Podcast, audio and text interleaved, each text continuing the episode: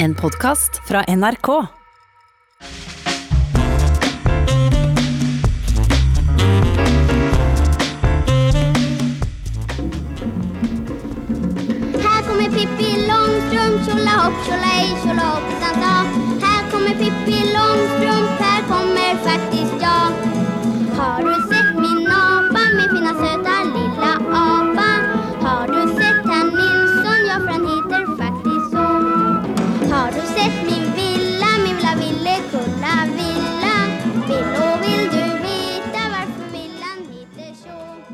Ja, som eh, alle lyttere fikk med seg, eh, dette var en sang som ikke akkurat har sin naturlige plass i Stangele Stanghelle på fredag, men det har sin grunn, for hele Nordens Pippi Langstrømpe fyller nemlig 75 år i år. Hun har satt sitt tydelige preg på barnekulturen gjennom disse åra. Vi finner spor etter Pippi i språk og dagligtale. Den uredde og småfrekke væremåten eh, gleder barn og voksne den dag i dag. Og velkommen til deg, forskningsbibliotekar Anne Kristin Lande. Tusen takk. Du har vært på leiting etter Pippis egentlige bursdag, for den eh, skal ikke være så lett å tidfeste. Nei, det har jo ikke vært så veldig lett. Opprinnelig så fant jeg en veldig rar dato på Wikipedia, eh, og så undersøkte jeg litt med Hvorfor rar? For det, det stemte ikke med noe jeg hadde lest før. Okay. det var liksom en vill dato i september i 45, og det handlet ikke om når boka var kommet ut, og det handlet ikke noe om den, det første manuset som hun ga til datteren da, i, i bursdagspresang året før. Så det var litt pussig, så jeg tok kontakt med familien eh, og spurte, og de kjente ikke til noe dato i september, og lurte på hvem som hadde funnet på det. Eh, Og så mm, begynte vi å eh, korrespondere litt sånn fram og tilbake, og så viste det seg at familien de ønsker å markere 21.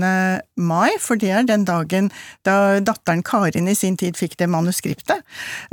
Mens boka kom jo ikke ut før i november da året etter, sånn at der har de liksom valgt å holde datoen til Karins bursdag, og så har de valgt året til bokas utkommelse. Og da er vi ved 21. mai 1945, altså 75 år siden, ganske fort. Ja, og da hadde boka vært ute eh, Nei, da hadde Karin fått manuset året før. Ja, du, du nevner Astrid Lindgrens datter Karin, fordi eh, dette var vel opprinnelig en slags fantasi som hun hadde, var det ikke det? Jo, og det som er litt morsomt er jo at eh, da Karin var syv år, var det vel, så var hun syk, og så spurte hun mammaen om ikke hun kunne fortelle henne en fortelling, og det, det kunne hun, men så hadde hun jo fortalt så mange fortellinger, så var det sånn ja, hva skal jeg fortelle nå, sier Astrid Lindgren. Og så sier hun kan du ikke snakke om Pippi Langstrømpe, og så var det i gang. Og så mange år etterpå, eller altså tre år etterpå, så var det Astrid Lindgren som var syk, og da satte hun seg ned og så stenograferte ned og skrev på maskin dette manuskriptet til datterens tiårsdag. Så dette var rett og slett laga til heimebruk. Dette var til hjemmebruk. Og så er det vel en del foreldre opp igjennom som har fått det spørsmålet fra døtrene sine, men det er jo ikke alle av oss som har kunnet svart med Astrid Lindgrens ord. Det er det ikke. Det er det ikke. Du, eh, vi skal høre hvordan det gikk når Astrid Lindgren tok mot til seg og sendte sitt første Pippi-manus til et eh, forlag. Og da tenkte jeg at kanskje man skulle försöka skicka det här manuskriptet till ett förlag. Och jag skickade den där boken till ett förlag i Sverige. Men de blev alldeles rädda när de fick läsa om allt förskräckligt som Pippi gjorde. Så de ville inte ge ut den boken. För de trodde att alla barn skulle börja på att göra likadant som Pippi. Att de skulle Lyfta äta, hästar. lyfta hästar och äta upp en hel tårta alldeles själv när de kom på kaffeslabberas. Så de ville inte ha boken men den kom i alla fall ut sen ett år senare på ett annat förlag som, som ville ha den. Och hur har det gått för Pippi Långstrump sen? Ja, hon har klarat sig ganska bra därför att det visade sig det att eh, barn tyckte om henne. Jag fick ett brev förresten då i början ifrån en liten flicka i Norge och hon skrev så här Min bror han lo så hela sängen rista, skrev hon till mig när han hade läst Pippi. Ja, hun har klaret seg ganske bra, sier Astrid Lindgren. Det, det må vel kalles et understatement? Ja, det må det være. For det har kommet tre bøker, og det har kommet masse bildebøker, og det har kommet filmer, og det er teater. Altså, det, Pippi er virkelig i alle kanaler. Men hun må da ha vært ei ganske original barnebokheltinne da hun kom i 1944, fordi at det er jo ikke akkurat den sjølstendige, sterke, den J-krøsser ingen-personen som, som, som var, var, var jenteheltinne, verken den gangen eller kanskje ikke nå, for den saks skyld. Nei, altså hun var jo spesiell. Fordi, og det, noe av det som er mest spesielt med Pippi, det er at hun forblir sånn. Eh, fordi at det, det hadde jo vært viltre jenter i jentebøkene tidligere, men da Eh, hendte det at de falt ned fra et gjerde, brakk ryggen, måtte ligge stille et år, eller noe sånt. Eh, mens, mens Pippi hun er seg sjøl tvers gjennom det hele, og det er ingen som prøver å forandre henne, eller de som prøver, de får det ikke til. Du har eh, sett på likskap og forskjeller mellom hvordan nettopp viltre jenter og gutter blir framstilt, og, og, og, og, der finner du et klart kjønnsrollemønster? Veldig sterkt kjønnsrollemønster, og det er jo ganske spennende, fordi at guttene Det er jo ganske skremmende òg, da. Ja, men når man tenker på at dette var før krigen, ikke sant? hvis vi mhm. ser på den tida, altså mellomkrigstida, så, så var så guttene de skulle sosialiseres ut i verden, jentene skulle sosialiseres inn til kjøkkenbenken. Det var jo sånn verden var skrudd sammen den gangen. Men reaksjonene på Pippi da hun eh, kom. Jeg har lest meg til at eh, hun ble sensurert i, i flere land. De syntes hun ble for drøy. I Frankrike mente de til dømes at det var helt usannsynlig at ei jente kunne være sånn. Ja, og der fant de ut at i Frankrike så mente de jo det der med at uh, hun kunne umulig kunne løfte en hel hest, så det var bedre at man løftet en liten ponni. For meg så er det minst like absurd å skulle løfte en ponni som å løfte en hest. Det som skjedde her i Sverige også, det var jo at den ble veldig godt mottatt med en gang. Den vant jo en barnebokkonkurranse, og den fikk god, god kritikk, og jeg tror den vant priser med en gang også. Men etter et år så ble det bruduljer, for da var det en en litteraturviter som mente at eh, dette var for galt. Eh, virkelig for galt. Fordi hun braut med alle forventninger? Ja, fordi hun ikke sosialiserte seg, liksom. Hun, hun var seg sjøl, og, og, hun hadde liksom en veldig stor grad av selvtillit og selvbevissthet. Men, men, det som man av og til kan glemme litt med Pippi, er at hun er veldig omsorgsfull, og hun er veldig snill. Eh, og et av de sitatene som er sånn rundt Pippi som jeg liker best, det er det som er eh, det, Den som er veldig sterk, må også være veldig snill, og det lever hun virkelig etter hele tida. Og det er jo et litt av et eh, livsmotto som en kunne godt tenke seg at flere adopterte. Veldig gjerne. Pippi ble jo for alvor en del av den nordiske barneoppveksten og dukka opp på TV-skjermene. Og vi skal unne oss et lite gjenhør når Pippi i Inger Nilssons skikkelse eh, møter Tommy og Annika fra den aller første TV-episoden. Titta! Hei! Hei. Hei. Hva, hva heter du? Jeg heter Pippi Langstrøm. Hva heter ni? Jeg heter Tommy. Og jeg er Annika. Varför, varför ligger du med fötterna på huvudkudden för? Jag ska säga det, att i Egypten där ligger alla människor med fötterna på huvudkudden och de sover så in i vassen bra så det är lugn och få liv i dem på morgnarna. Hur vet du det? Du har väl inte varit i Egypten? Har inte jag? Jag har varit överallt i hela världen. Har du? Nej, ni ljuger allt. Men det är fult att ljuga. Ja, det är mycket fult att ljuga. Nej men titta vilken gullig apa. Vad heter han? Han heter Herr Nilsson. Pippis häst heter ingenting. Hon brukar bara kalla honom för lilla gubben. Kom in eller stå kvar med kvittare. Nej, nej men, nej men kära ni. Kära, kära barn. God dag, tant Bruzelius. God dag.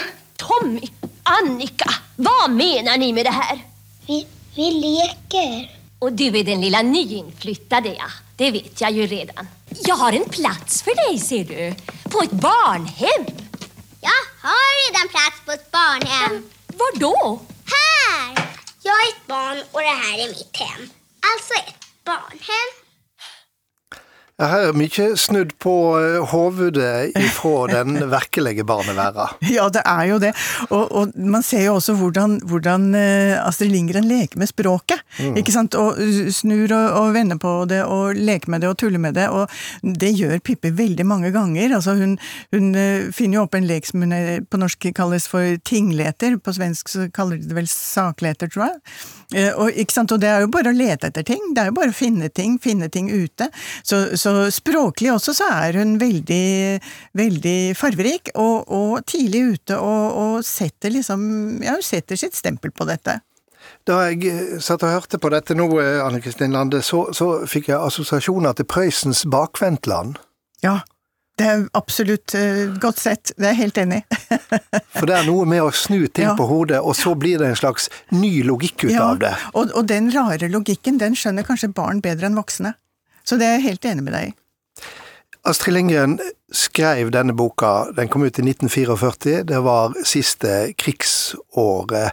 Hvordan var hennes situasjon eh, da, i, i det nøytrale Ja, så hun jobbet i den svenske sensuren, så hun visste faktisk mer om hva som foregikk enn folk flest. Altså sensuren, brevsensuren. Brevsensuren. Mm. For det kom jo brev inn fra utlandet, og det kom eh, brev som skulle ut i utlandet. eh, Og hun lagde sine egne krigsdagsbøker, og de ble trykket i faksimileutgave bare for noen få år siden. Men det som jeg syns er morsomt i denne sammenhengen, med Pippi, det er jo at når Pippi går på sirkus i den første boka, eh, og dette er en fortelling som da ble laget i 41, eh, og som da kom, på, som kom i manuset i 44, og så som bok i 45, så når Pippi går på sirkus, så slåss hun mot sterke Adolf, og hun vinner. Og det er ikke tilfeldig at han heter Adolf. Overhodet ikke. Jeg tror ikke det er noe tilfeldig i Astrid Lindgrens forfatterskap overhodet. Det er jo mange utsegn fra Pippi som har gått inn i det norske språket, det svenske språket, som, som er på en måte blitt en del av, av samtalen vår. Det er mange som siterer eh, Pippi. Og jeg kom over en nyttårstale som kong Harald holdt eh, i, for fem år siden, i, i 2015, og da sa han følgende Skal vi in inspireres til ny dyst, gjør vi kanskje klokt i å gjøre Pippilotta, Victualia, Rullgardina, Kryssmynta, Efraimsdatter, Langstrømpes ord til våre egne. Det har jeg aldri gjort før, så det klarer jeg sikkert. Men det har ikke Pippi sagt. Nei, hun har nok ikke det, men det tror de fleste. Eh, For det står eh, mange steder på, på nettet at det er et Pippi-sitat. Eh, Det som Pippi sa, som kan minne om dette, er at når hun ville kjøpe et piano, og Tommy sa at men du kan jo ikke spille piano, så svarte hun åssen kan jeg vite det når jeg aldri har forsøkt? Det ligner, men det er ikke helt det samme. Men man kan godt tenke seg at Pippi hadde kunnet si det som det sitatet som hun er tillagt, men hun har nok aldri sagt det. Ja, fordi at det formulerer Det harmonerer vel egentlig eh, Det det i de gjør. Tankegangen til nettopp Pippi. Det, det, det, det er på en måte Man kan godt tenke at hun kunne ha sagt akkurat den setningen, og det kan man jo tenke med mange av de andre sitatene som også ikke stemmer helt, for det er veldig mye Jeg har prøvd å gå etter en del sitater som står, og, og gå og se etter liksom hva de stemmer, om de stemmer, men det er veldig ofte at ikke de stemmer helt. Det er veldig mye sånn til man har tillagt det. Så jeg får en fornemmelse av at folk fikser liksom Pippi inn i sitt eget bilde.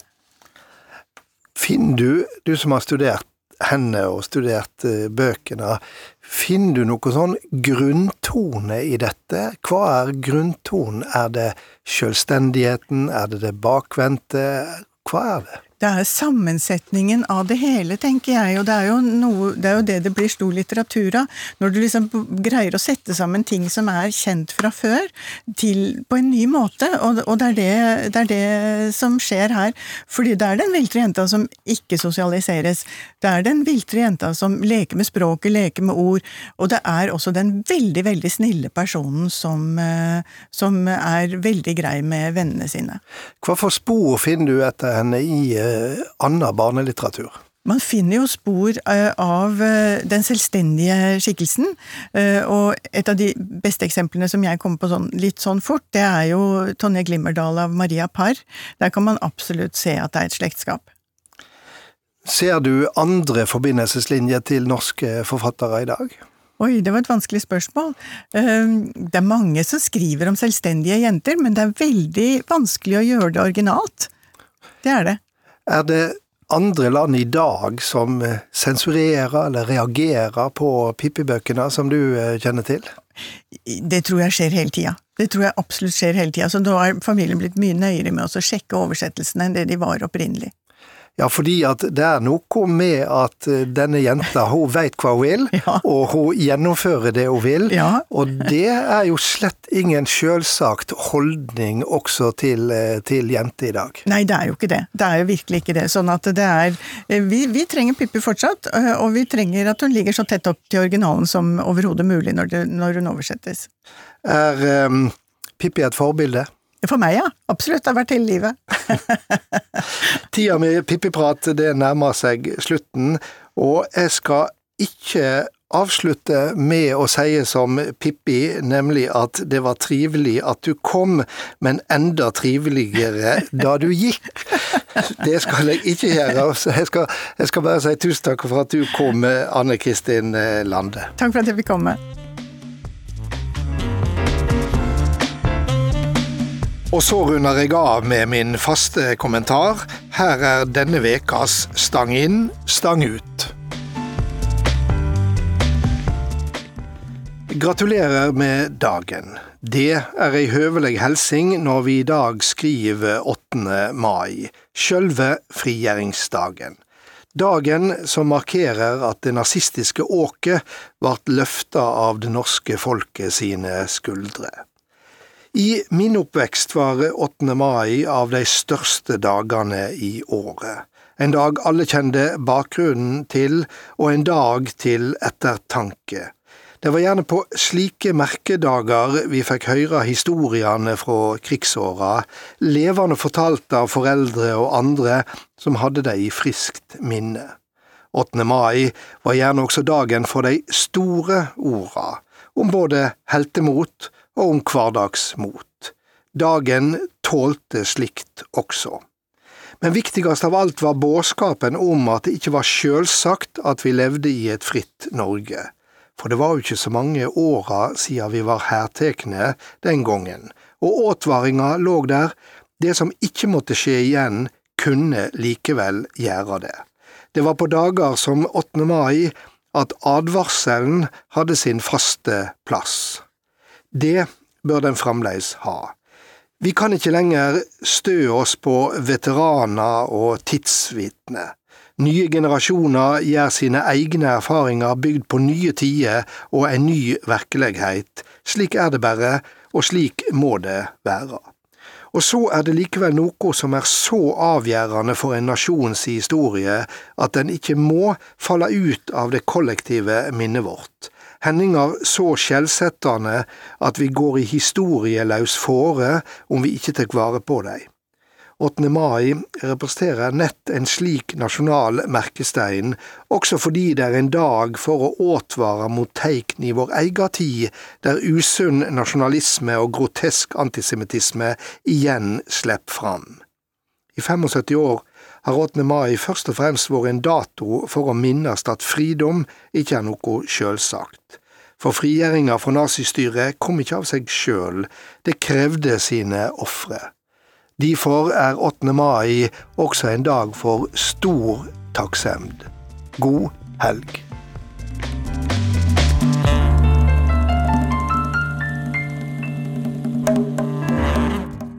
Du har hørt en podkast fra NRK. Hør flere podkaster og din NRK-kanal i appen NRK Radio.